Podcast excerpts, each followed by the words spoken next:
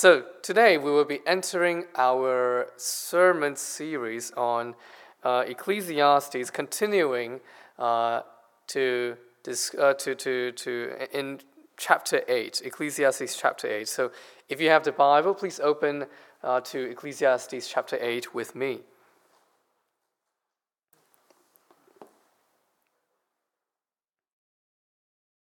Ecclesiastes um, chapter 8 is titled Keep the King's Command uh, in the book uh, in ESV version.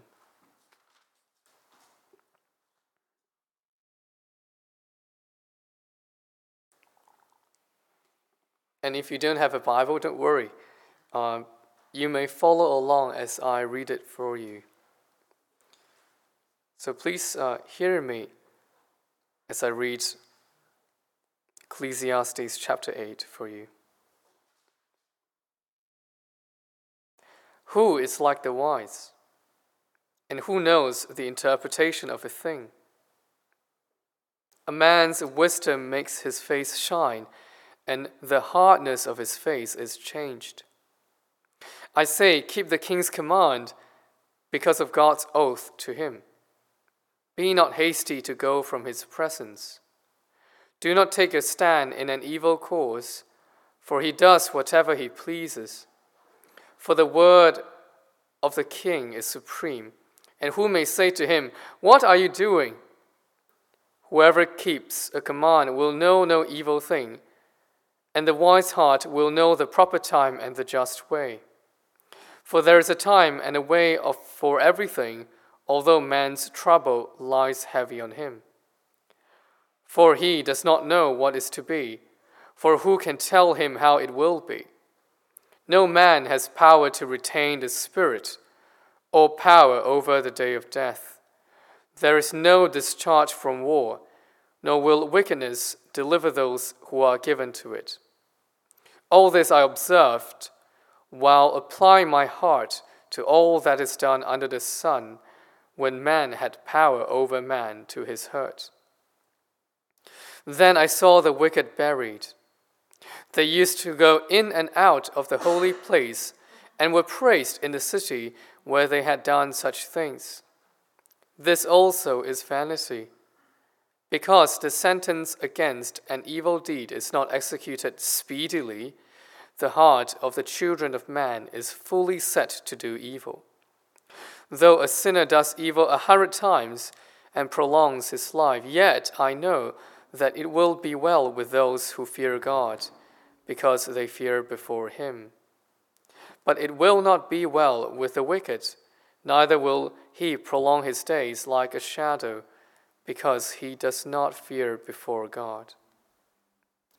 There is a vanity that takes place on earth, that there are righteous people to whom it happens according to the deeds of the wicked and there are wicked people to whom it happens according to the deeds of the righteous.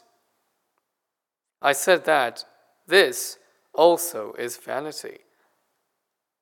And I command joy, for man has no good thing under the sun but to eat and drink and be joyful, for this will go with him in his toil through the days of his life that God has given him under the sun. When I applied my heart to know wisdom, and to see the business that is done on earth, how neither day nor night do one's eyes see sleep. Then I saw all the work of God, that man cannot find out the work that is done under the sun. However much man may toil in seeking, he will not find it out. Even though a wise man claims to know, he cannot find it out. This is the word of God. Let us pray. Father, show us your way. Illumine our hearts and open our eyes to receive your glorious truth. May your Holy Spirit speak gently and clearly to us now, and may you help us to submit to your will. In the name of your Son, Jesus Christ, we pray. Amen. So, in the first part of the chapter, the preacher tells us or teaches us the wisdom on how to behave when we meet with and talk to the king. So, it might seem like an, uh, it's not a practical advice for us now, but back in the Old Testament times, seeing the king is serious business and it's a, it's a dangerous business. In all cases of monarchy, the king has the power and authority to decide the life and death of his own people. Remember um, the book of Esther, when Esther was approaching King Ahasuerus. There was a significant threat to Esther's life if she visits the king without a royal appointment. There's a Chinese saying that goes like this 伴君如伴虎. To, to be with the king is like to be with a tiger. If that is the case, then wisdom is surely required for survival in the royal courts. And in this case, wisdom will literally save your life. And that is why the preacher opens the chapter, chapter 8, with these words Who is like the wise? It is a common theme in Ecclesiastes that wisdom is very valuable and desirable. And following that, who knows the interpretation of a thing? So, what does interpretation mean here? Well, interpretation refers to the ability to make sense or to identify the patterns of life. For example, what is the best time to sow seeds in the seasons? You and I both know it's probably spring. That is an interpretation of the seasons in a year. What if you see that the river is drying up then probably we should prepare the nation for a drought in the future.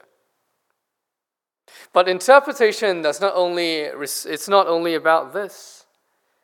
Interpretation also refers to the interpretation of signs and dreams. In the ancient Near Eastern culture, which is in the Old Testament times and in the, in, in the world of Old Testament, there is no strict separation between natural wisdom, for example, um, ability to, uh, to, to, to, to, to predict uh, the seasons in life, uh, good time management skills, a good war strategy. These are all natural wisdom. And then there's a, another, another kind of wisdom that is supernatural the ability to summon rain clouds when you need rain, the ability to communicate with your gods, or to predict future events, or to make sense of a dream. In the ancient Near Eastern culture, there are no strict separation between these two wisdom. The thing is, if they can both help us to make better decisions, then they are both considered wisdom as you read this passage, uh, this verse, uh, you, I hope you see that uh, it's hinting to us two Old Testament characters um, Joseph and Daniel. Well, Joseph was called, uh, summoned by Pharaoh to interpret his dream. And Daniel likewise was summoned by Nebuchadnezzar to interpret his dream. And they were both um, wise men. But no matter what wisdom, natural or supernatural, the preacher considers them both as good wisdom. And this kind of wisdom will make a person's face shine. And the man who, is, who, who has wisdom on his side will be at peace so that his facial expression uh, will be softened. What does a shining face mean? Well, the Bible describes a shining face as a, as a pleasing sight. Israel often prays to God for God's face to shine upon them. Suppose you have heard this before. It is, um, it is, it is a facial expression that communicates gentleness. It is a comforting to look at. Because wisdom can protect someone's life, it is able to change a person's demeanor. He can be at peace when he's surrounded by opponents. He can sing in times of danger. He can be calm while standing in front of a king. So, this is wisdom in the royal courts. But what does it look like? What is wisdom? What is wisdom in the royal courts? We have only described how it looks like, but what is it? Well, you might be surprised that the very first thing the preacher says is this, verse 2 I say, keep the king's command. The first wisdom that the preacher offers for us in, in, in dealing with a king is to obey his command. Is this restricted to just Christian leadership? I don't think so.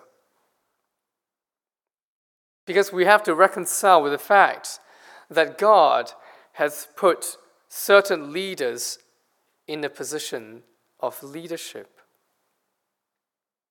This can be illustrated with many examples in the Bible.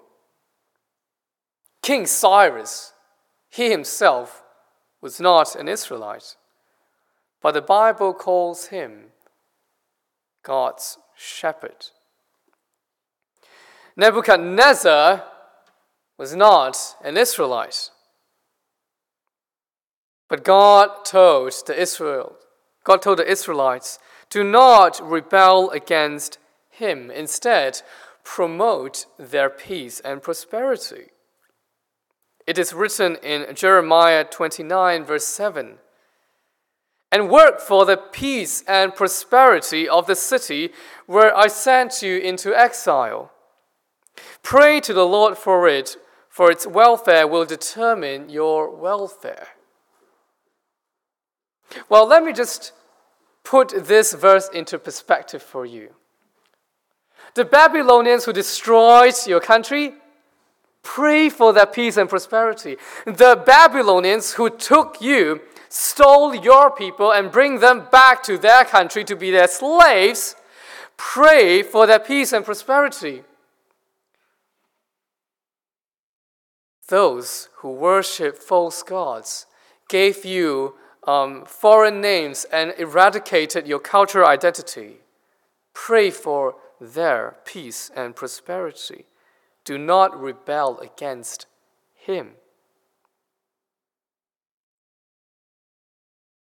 What about the Empire of Rome?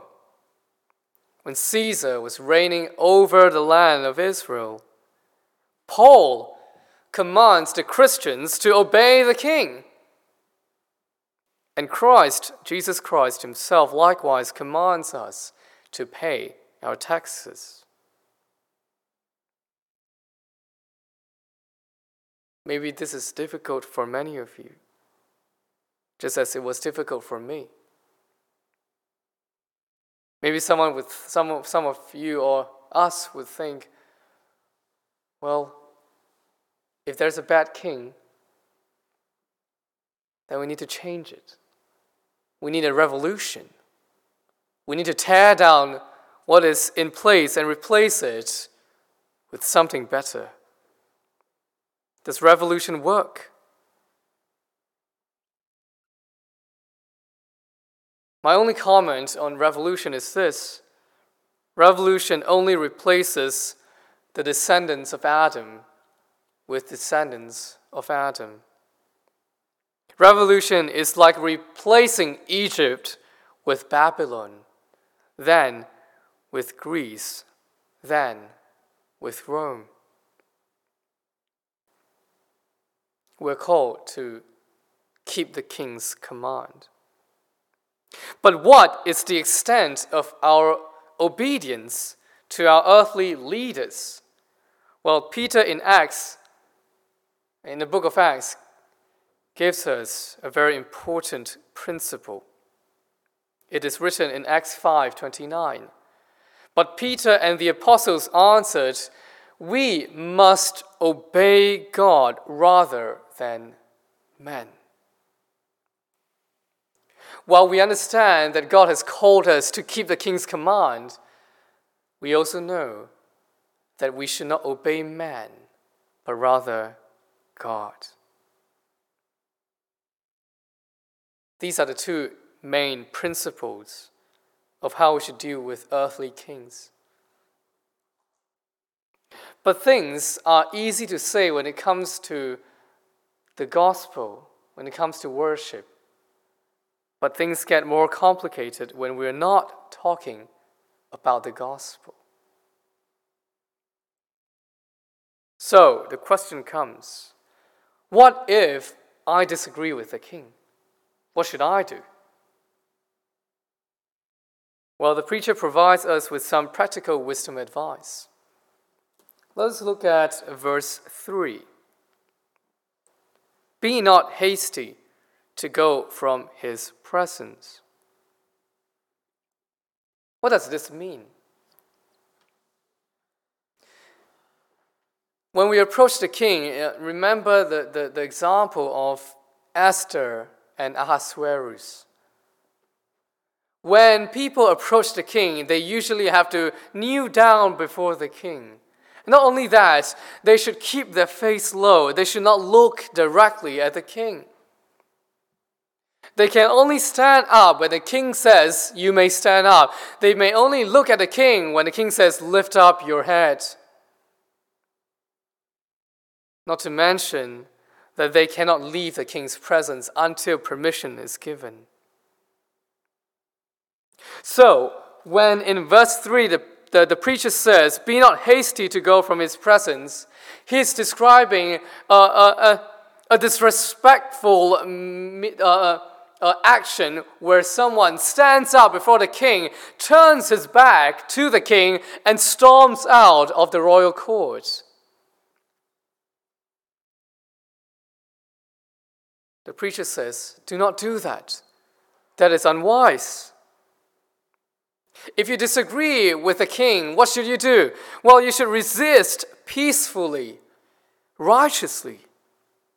And there's a great example in the Bible for this.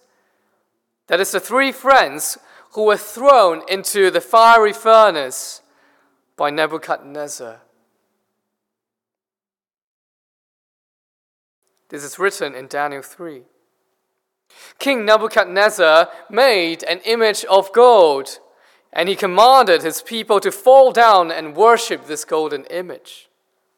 But there were three people who did not obey. Their names are Shadrach, Meshach, and Abednego. They did not obey the king's command. And Nebuchadnezzar was furious. He asked the three friends, if you do not worship, you shall immediately be cast into the fiery furnace. And who is the God who will deliver you out of my hands? Three friends answered, Oh, Nebuchadnezzar, we have no need to answer you in this matter. If this be so, our God, whom we serve, is able to deliver us from the burning fiery furnace, and he will deliver us out of your hand, O king. But if not, be it known to you, O king, that we will not serve your gods or worship the golden image that you have set up. Once they're done, they were thrown into the fire.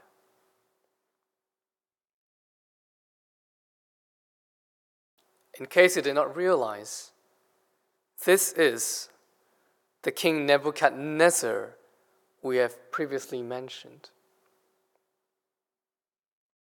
The king that God, uh, that God said to him Do not rebel against him. Promote his peace and prosperity. If I have to make this clearer, a king who kills our brothers and sisters, God says, listen to him, obey him, and pray for his peace and prosperity. Well, we know at the end of the story of Shadrach, Meshach, and Abednego that at the end God protected them. They were not burnt alive. But that is not a guarantee. And the three friends, they knew it very well. Many, many Christians throughout history were placed in the same trial, but for them, the flames took their bodies bit by bit until they were completely gone.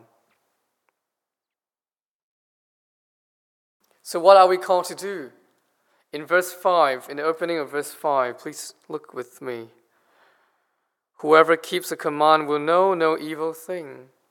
The Bible commands us to keep the king's command so long as it does not compromise our obedience to God's command. What if we must disagree with the king? Well, verse 5b. The wise heart will know the proper time and the just way to speak. We must, if we must disagree with the king, there is wisdom in choosing the right time and the just way to do it. Esther's wisdom uh, in saving the Israelites from mass murder demonstrates this. She approached King Ahasuerus in a gentle manner, even though it was a dangerous issue and it was something that troubled her heart and it was, it was an urgent uh, uh, matter, but she approached the king in a, in a wise manner. And she revealed the evil plot of Haman when the king was ready and willing to grant whatever she desires. That was the right time. In verse 6, the preacher says, There is a time for everything, including when and how to speak to a king.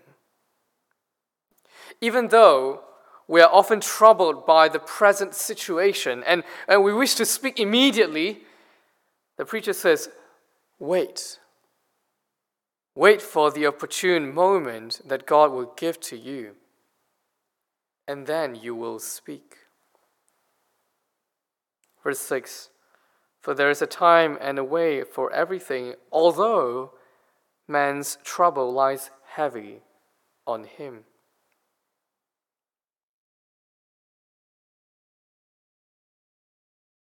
I don't know if this is difficult for you. It was difficult for me. Why do I need to honor a king who kills my brothers?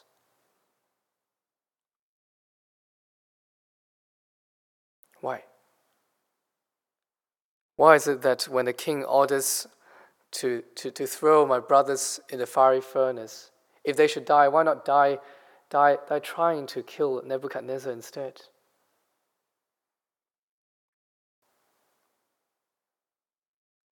Why do we need to honor the king? Because God has put him in a position of authority. And God has a reason for it.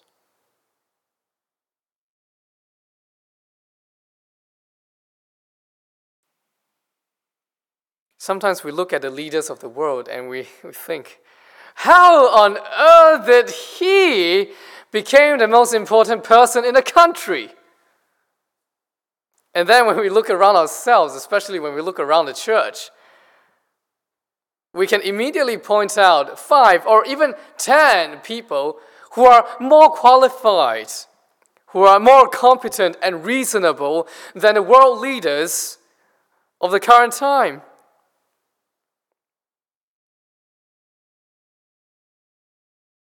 But God put them in position of authority.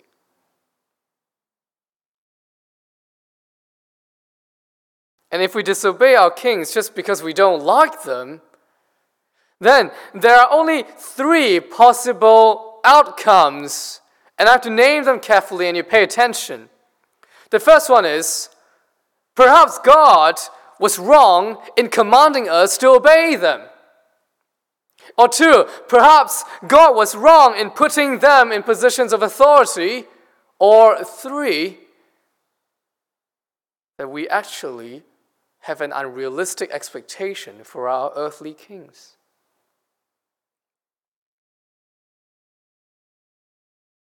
Earthly kings are sinful kings. Verse 9 says it well. Man had power over man to his hurt. People with power often abuse their power to hurt other people. And we see this in all forms of government throughout all of history. We also see this in our own time. So, what is wisdom for the preacher? Well, the wisdom is to keep the king's command, and if you should disagree with him, find the right time and the right way to do it, so long as it does not compromise your obedience to God. This wisdom will protect your life because the king has your life in his hand.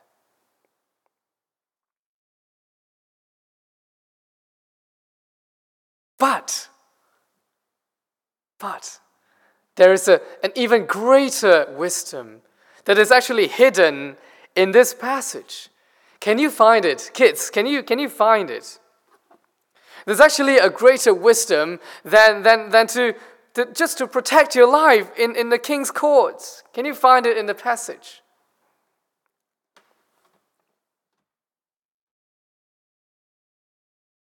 You know, the book of Ecclesiastes keeps on telling us to pursue wisdom because it will protect our lives and help us live a happy life. But is this the final advice of Ecclesiastes? Did the preacher say, well, at the end of the day, just, just, just protect yourself and try to live as comfortably as possible? Is that the final advice of the preacher? No. What is the final advice of the preacher? Fear God. Fear God.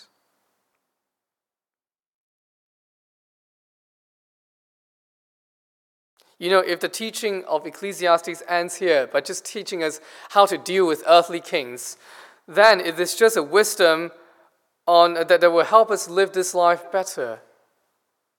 However, the preacher is not just concerned about living wisely. After all, the entire book of Ecclesiastes is dedicated to question the true value of everything in life, including life itself. And certainly he has questioned the value of wisdom.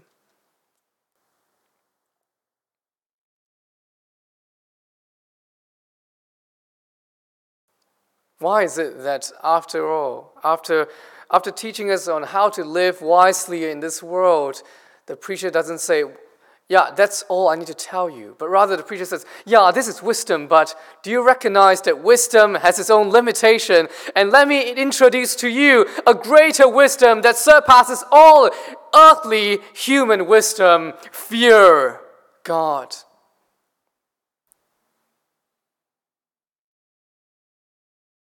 Final advice from the preacher is to fear God.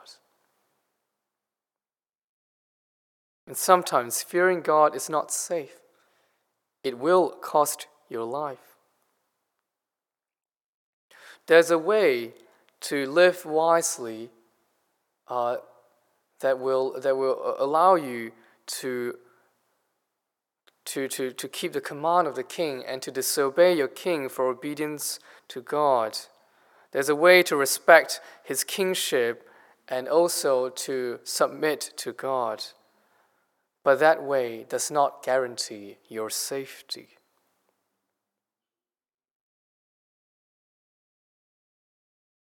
But as we've mentioned just now, the preacher is not ultimately concerned about how to live this life well.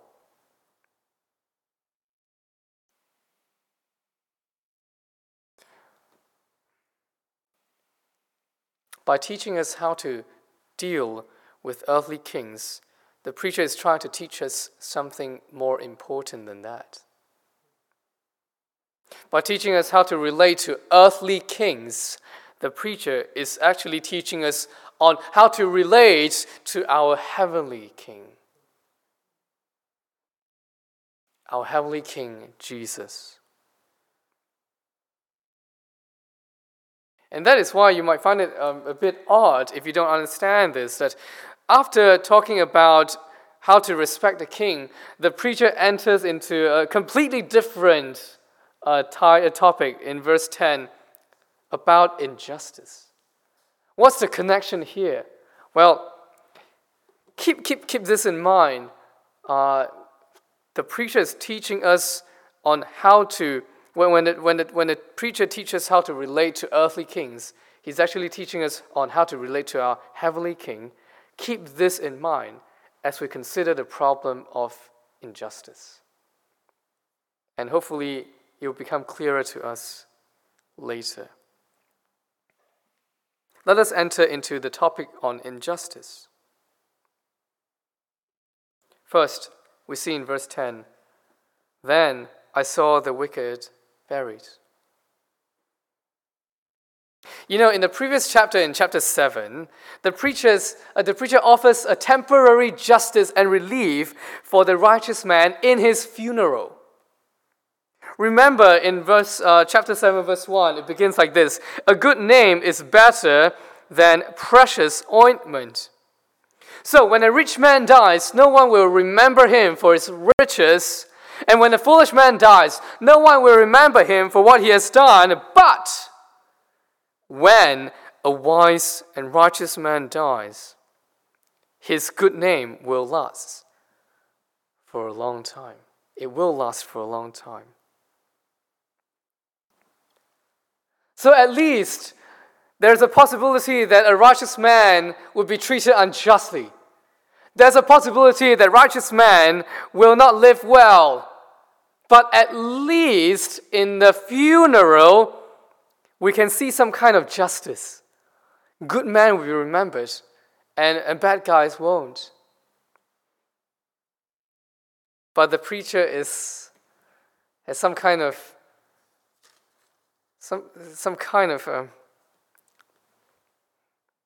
ironic joke. He puts life in such a perspective that you can only laugh at it. The preacher likes to rub salt on wounds. In our passage today, chapter 8, the preacher invites us once again to a funeral. So he's saying, Come, let's attend a funeral together. But this time, we are not attending the funeral of a righteous man, but a wicked man. In verse 10 begins, Then I saw the wicked buried. Well, what would we be expecting if we are reading from verse uh, chapter 7 to 8? Aha! This is when will see people hate this wicked man because he's already dead. He can't do anything else. Now people will hate him. He will die so terribly because no one will remember him. This is finally justice prevailing. But when we expect that people would hate him once he's dead, the actual sin looks very different. No doubt, this is a funeral of an evil man. He has done many wicked things in life, and because justice is not executed quickly, he is encouraged to do even more wicked things. And that's not it. He would go in and out of the church and he would give a lot of offering money to support the church's ministry. And many people praised him for being such a good person. And while he does all kinds of evil outside of the church, God sustains his life.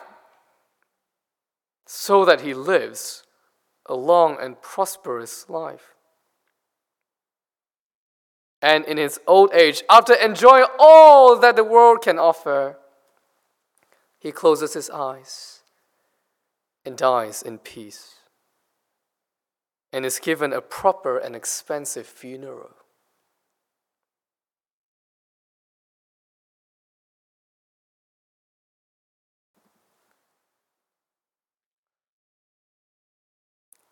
Unfair.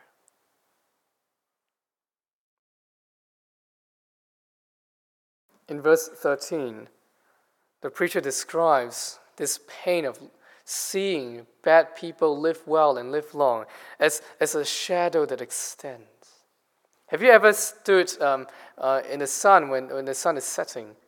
And you, you'll be surprised how long the shadow can go sometimes. Like, wow, that's about three meters long. And it just seems to grow longer and longer and does not stop. This is how the preacher feels when he sees evil men live a long life. And the, the preacher asks himself, Why does the evil man live longer and happier than the righteous man? This is not fair. And as if injustice is not painful enough, the preacher takes one step further and he rubs more salt in our wound. Look at verse 14. There is a vanity that takes place on earth. What is it? Tell us. That there are righteous people to whom it happens according to the deeds of the wicked, and there are wicked people to whom it happens according to the deeds of the righteous. I said that this also is vanity. The preacher says, Do you want to know what I think? Do you want to know my summary of life? Good people have bad outcomes, and bad people have good outcomes. This is yet another concrete evidence that this life is vanity. Injustice makes this life a vanity. unfair. So let's go back to our, the, the first question we asked before we enter into justice. Why does the preacher suddenly talk about injustice after having talked about how we should relate to earthly kings? Well, because the way we respond to justice reveals the way we relate to our heavenly King. The Bible tells us that God is our King and we are His people. We are like Esther, Daniel, and Joseph who kneels before God in His royal court. And Yahweh, the one true God, this King, this heavenly King, He has called Himself the ultimate judge, the supreme payback, the one who will end the world. He said in Romans 12, this is a long sentence, uh, please bear with me, it's very important. Romans 12, repay no one evil for evil, but give thought to do what is honorable in the sight of all. If possible, so far as it depends on you, live peaceably with all. Beloved, never avenge yourselves but leave it to the wrath of God. For it is written, this is the most important part Vengeance is mine. I will repay, says the Lord. God says, Justice belongs to me, and I will carry out. But sometimes we think we are more correct than God. Sometimes we think that we have a better sense of timing in regards to justice. Sometimes we refuse to kneel before God and we stand up and shout at His throne, Your justice is too slow. And we turn our backs to the King, Jesus, and we storm out from His presence.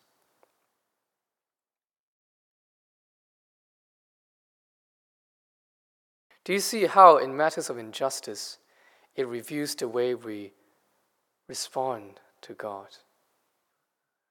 When we get angry, when we try to take matters into our own hands, we're basically doing what the preacher says not to do when we're facing a king. We're breaking everything that he says that is called wisdom. Wisdom is to keep the king's command. Wisdom is to not be hasty to go from his presence. Wisdom is to speak in the right tone at the right time. If we don't do this to, heaven, to, to our earthly kings, why to our heavenly king? If we fear uh, the earthly kings because they can take our lives, why don't we fear the King of the universe, who, who decides the fate of all things, even our souls? So, this, this injustice is like a sandwich. The first part is about earthly kings, the second part is about heavenly king, and in the middle, you have injustice. Injustice connects human wisdom with godly wisdom. It connects the way we relate to our earthly kings to the way we relate to our godly king. If we would not question our earthly kings, why do we question God's justice? Why do we take matters into our own hands and execute a justice according to our own standards, according to our own timing? Why do we fear earthly kings more than the supreme king of the universe?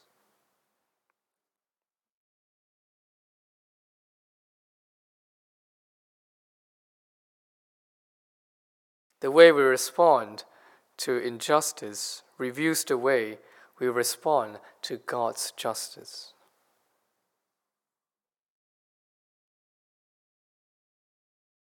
So, what is a Christian's response to injustice? How should we relate to our Heavenly King in light of the unfairness that is evident in this world? Well, this is it, brothers and sisters, uh, verse 12. Though a sinner does evil a hundred times and prolongs his life, yet I know that it will be well with those who fear God, because they fear before him.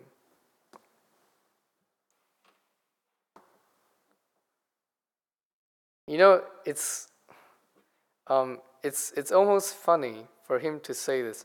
Oh, it would be well for those who fear God because he feared God. That is a non explanation. It is as if the, the preacher has nothing else to say. Why should you fear God? Because you must fear God. And it will be well with you. Why? Because you fear God. He, is, he has no other reason to give. Christian, Christians, this is a very important message to you all. Because in verse 12, the preacher presents to us two kinds of lives, and you must pick very carefully. One life is to do whatever you want and die in peace. This is the life that many people in this world want. But there's another kind of life. This life is to fear God and love Him and obey Him. It doesn't matter if life is good or bad, you will strive to live in fear of God. If you answer this question honestly in your heart, which one will you pick?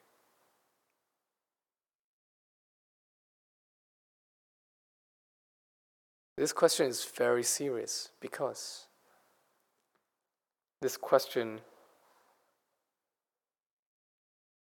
that the answer, the, your answer to the question will tell us who you are and where you stand in matters of salvation.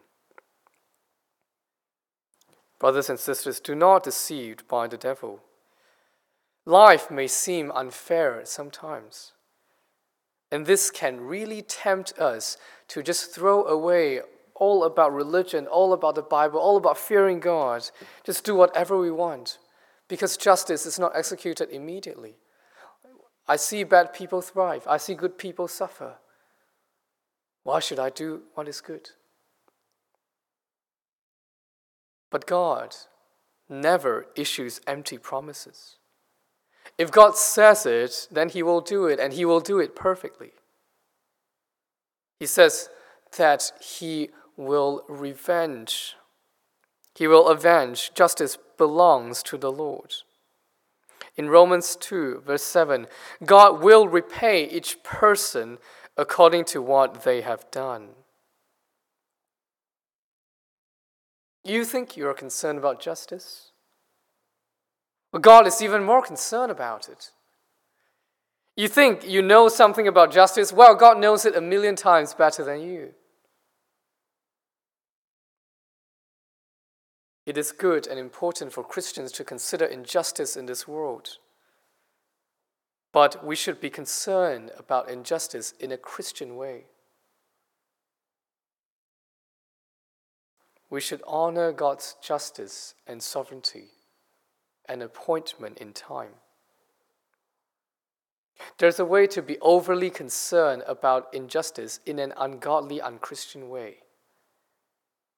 That is when we place ourselves as the ultimate executor of justice. We decide what is right, and we do what is right, and we replace God with ourselves as the ultimate judge. The world is obsessed about this thinking. In fact, let me tell you, let me just channel the inner, not inner, the, the, the worldly demon in speaking this to Christians. Don't you care about justice? If you care about justice, then you should do what we are doing. We have dethroned God and we now sit on the throne of righteousness. We do much better than you. We do much more than you. Christians, you think you care about justice? You don't. Stop pretending you do. That's what they say to us. But people who think like that, they have no concern for God's justice. They have no patience for God's justice. They have no understanding of God's sovereignty.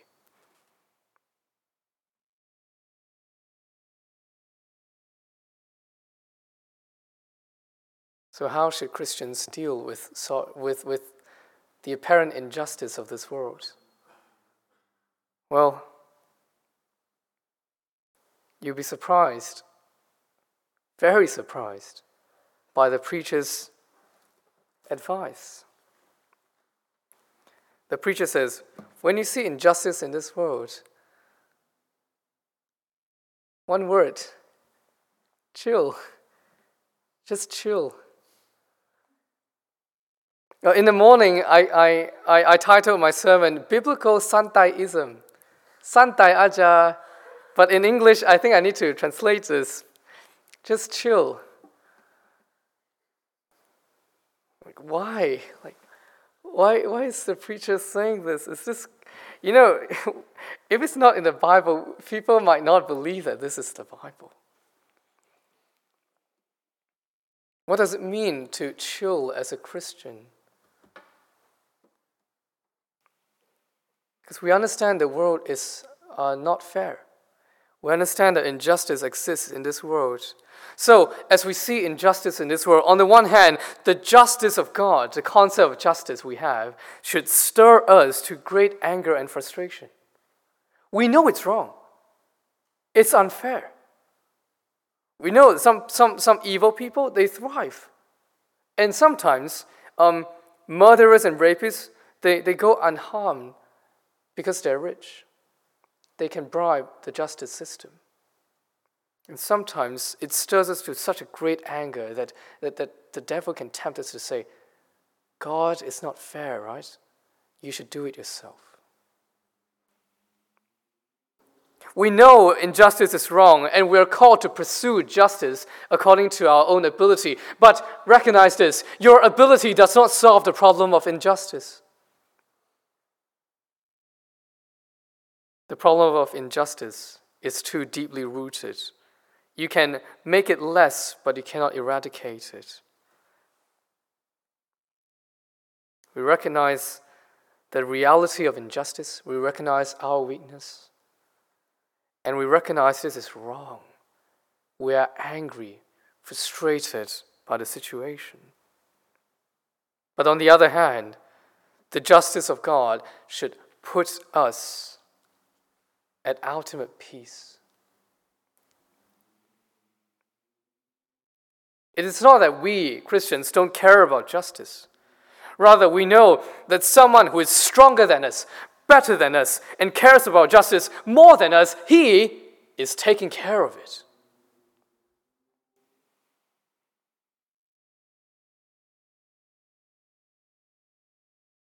This is the great paradox of biblical justice.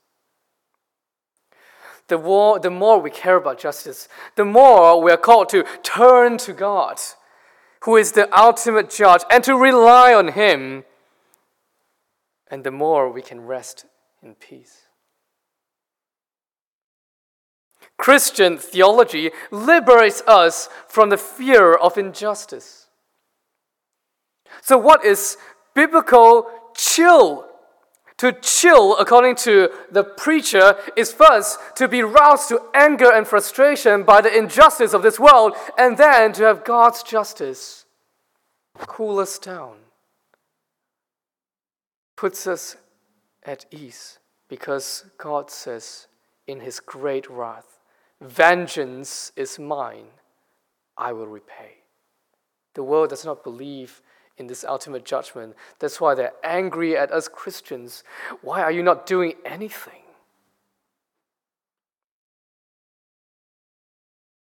Perhaps we're not doing as much as you want us to do. But we have a hope of justice that you will never believe. This is what we call, this is what I would call chill But to be chill is not cheap, it is actually an expensive thing. You know, when we think about wicked people, we often think about corrupt politicians, greedy billionaires, evil bankers on Wall Street who crashed uh, the, the, the, the Asian economy a few years ago. We think about murderers, rapists, pedophiles. But who are the true wicked people here? According to God's standard of justice, all men, including you and I, are wicked. You know, when we demand true justice to prevail, do we recognize that we are actually asking for our own death? Because when justice comes, no one can survive. Do you really think you can be chill? But why are Christians so chill when we recognize that true justice will prevail? Because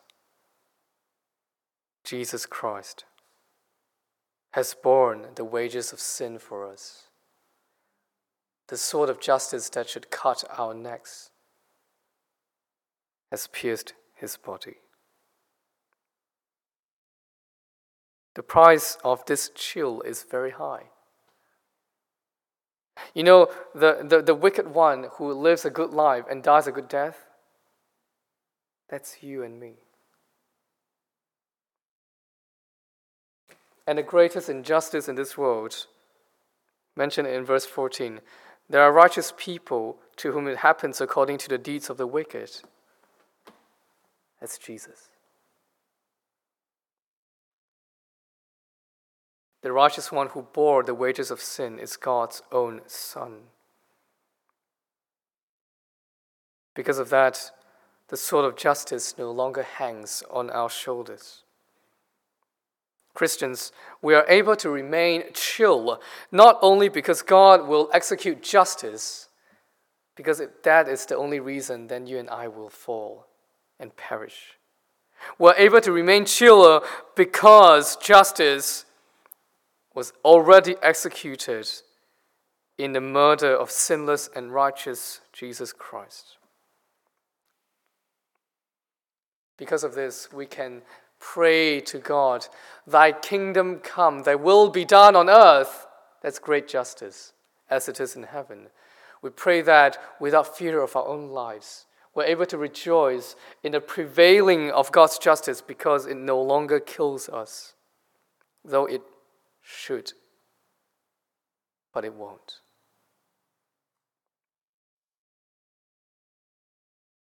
So when we see injustice in this world, how should we respond to it? Well, I think it's good to reconsider this truth. God's way is truly higher than our ways, and God's way is mystery. When we see the, when we see the evil things happening in this world, injustice, how should we reconcile with God's sovereignty? How should we understand if God is powerful, why, there, why, why is there evil in this world? If, if God is fair, why, why inconsistencies? Good people have bad outcomes, bad people have good outcomes. How do we deal with that? It's a mystery. The preacher says, I have thought about this for a long time. Like he's talking to us like kids. Chill. What, what's troubling your mind has troubled me for as long as I can remember. And what does the preacher say? Verse 17 to 18, he repeats it three times. Like, please get this, the preacher says. Man cannot find it out. He says, You know, I, I hope I can give you an answer, but I can't. This is a mystery. So if I cannot find out why, why, why the world is like this, why God allows evil and inconsistencies and injustice in this world, uh, I cannot find out. What should I do? The preacher says, chill. In a very, very loaded sense. With, after go, you need to understand that we can only be chill after we reconcile the fact that injustice is evil and God will repay. Chill. Unpredictability in life is what the preacher would call vanity. Like it's like a breeze. Vanity in, in the original language means a breeze. It's like a wind. It comes and goes. You can't capture it, you can't hold on to it, you can't predict it. Life is like that. Unpredictability is part of life, but the preacher says unpredictability is also a teacher of faith. Because how should we respond to injustice in this world? The preacher says, fear God. We can only fear God when we believe in God. When we fear God, we believe in God, we love God, and obey God. But this faith is not only that God will execute justice, but that his justice will pass by you because Jesus Christ bore your sins. This is the reason why we can fear God as we wait for his justice. Because this faith is in Christ, unpredictability of life also teaches us joy and peace. Yeah, I can't control things. I can't predict things. I can't even understand things. What should I do? The preacher says,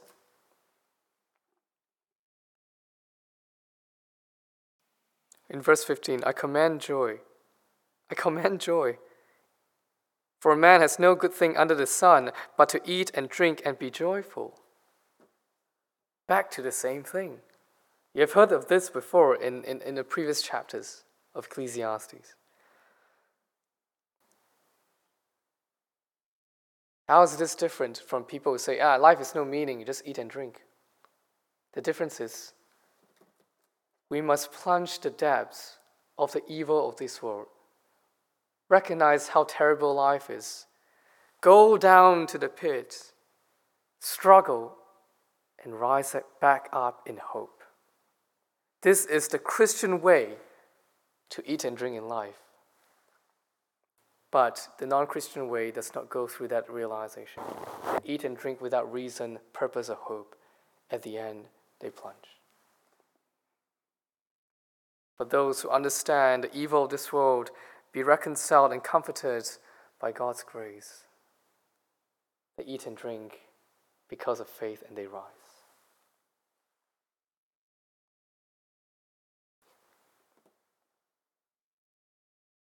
We're called to trust God and enjoy life even though it's unpredictable, even though it may seem crazy and chaos, because all will be well when we know and trust God.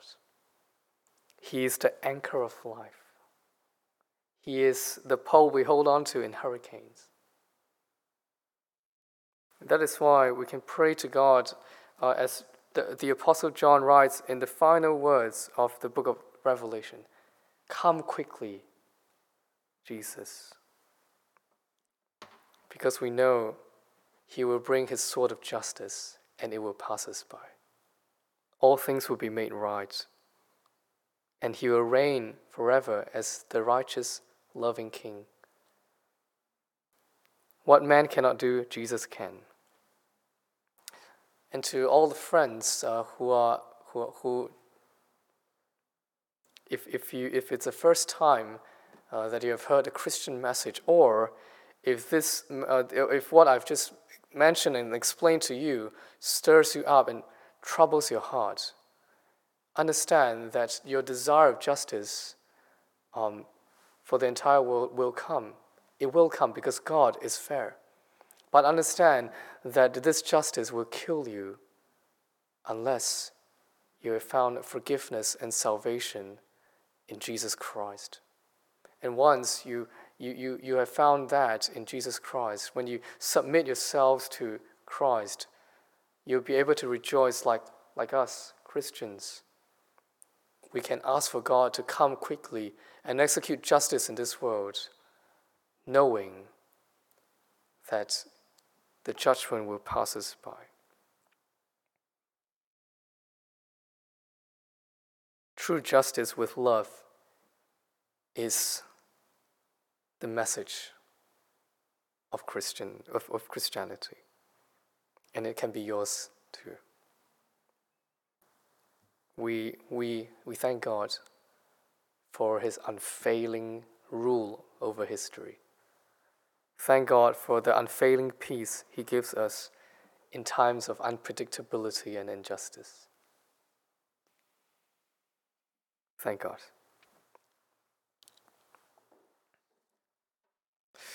Let us pray.